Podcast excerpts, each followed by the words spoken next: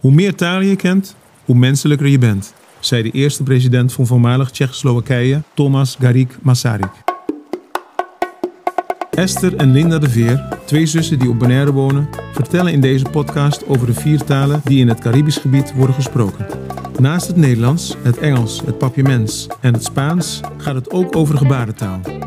Esther is de tolk gebarentaal van het eiland. Linda geeft les in het Nederlands, Engels en spreekt goed Spaans. Beide zijn Papiamento aan het leren. De podcast Hey zus, je hebt makkelijk praten is een ode aan de bewoners van Bonaire die minstens vier talen spreken. Bravo! Hey! Stel dat het vandaag de dag van de Nederlandse lidwoorden de en het is. Dan schreef ik niet echt van de daken dat dit een vrolijke dag wordt. Sprekers die ze gebruiken zijn meestal geen vrienden met deze twee ondoorgrondelijke woordjes. Maar ja, taal laat zich niet zomaar iets zeggen. Als je pech hebt, plakt ze een pleister op je mond. Dat is natuurlijk wel lekker rustig als het mensen zijn die veel ouwe hoeren. Dat is alleen niet de oplossing voor wanneer je de of het moet gebruiken. Hoe zou het zijn als lidwoorden niet zouden bestaan zoals in het Russisch, Turks of in het Fins? Makkelijk zou je denken, maar die talen plakken dan weer een paar letters achter een zelfstandig naamwoord om een verschil in mannelijk en vrouwelijk aan te geven. Dat is helemaal niet te doen. Zo is er altijd wat met talen. Het is nog wel even een dingetje, die twee woordjes. De lidwoorden de en het reageren heel anders op mannelijk en vrouwelijk. Het is neutraal, maar de kan mannelijk of vrouwelijk zijn. Voorbeeldje: de bus komt zo, hij is er over een kwartier. Oké, de bus is dus hij. En dan heb je de commissie vergaderd. Zij is nu heel druk bezig.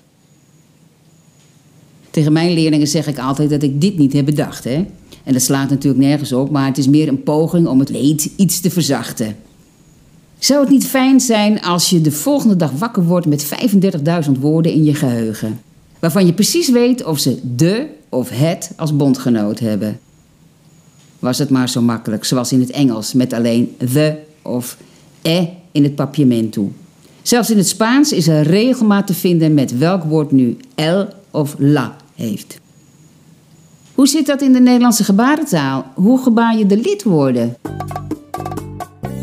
Nou, zus, wat een chaos, hè, met die lidwoorden in al die talen. Ja, ik heb makkelijk praten, want in de gebarentaal bestaan ze niet, de lidwoorden. Niks, nada, nothing. Je maakt een gebaar in de ruimte voor je, dat is het. Bijvoorbeeld het gebaar voor tafel.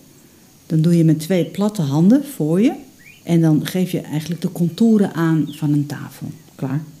Nou, en de gebarentaal is wel rijk aan nuances die je nou ja, vaak niet in de gaten hebt. Als je bijvoorbeeld die tafel wil gebaren, dan wijs je gewoon duidelijk naar de plek waar je net hebt gebaard. Als je die tafel heel groot gebaart, dan weet je meteen dat die gigantisch is. En in een gesproken taal moet je dat er natuurlijk altijd bij zeggen.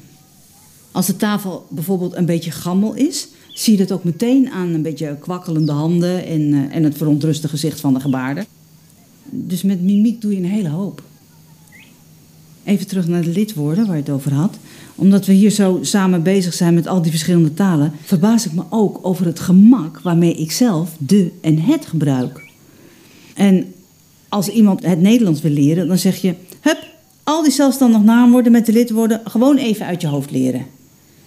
Nou ja, wat een werk, toch?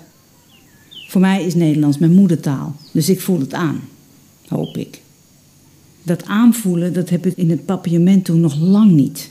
Want hoe vaak ik al botica heb gezegd in plaats van botica. Dat is niet meer op één hand te tellen. Ik voel het nog lang niet aan, die klemtoon. Heb jij er last van? Bedankt voor het luisteren. Luister ook naar de andere afleveringen van Hey Zus. Steven Tromp, bedankt voor de muziek. Alfred Borgos, bedankt voor de aankondiging. Podcast Tabon, bedankt voor de productie. En vond je het hoopje leuk? Geef ons dan een like. Ajo!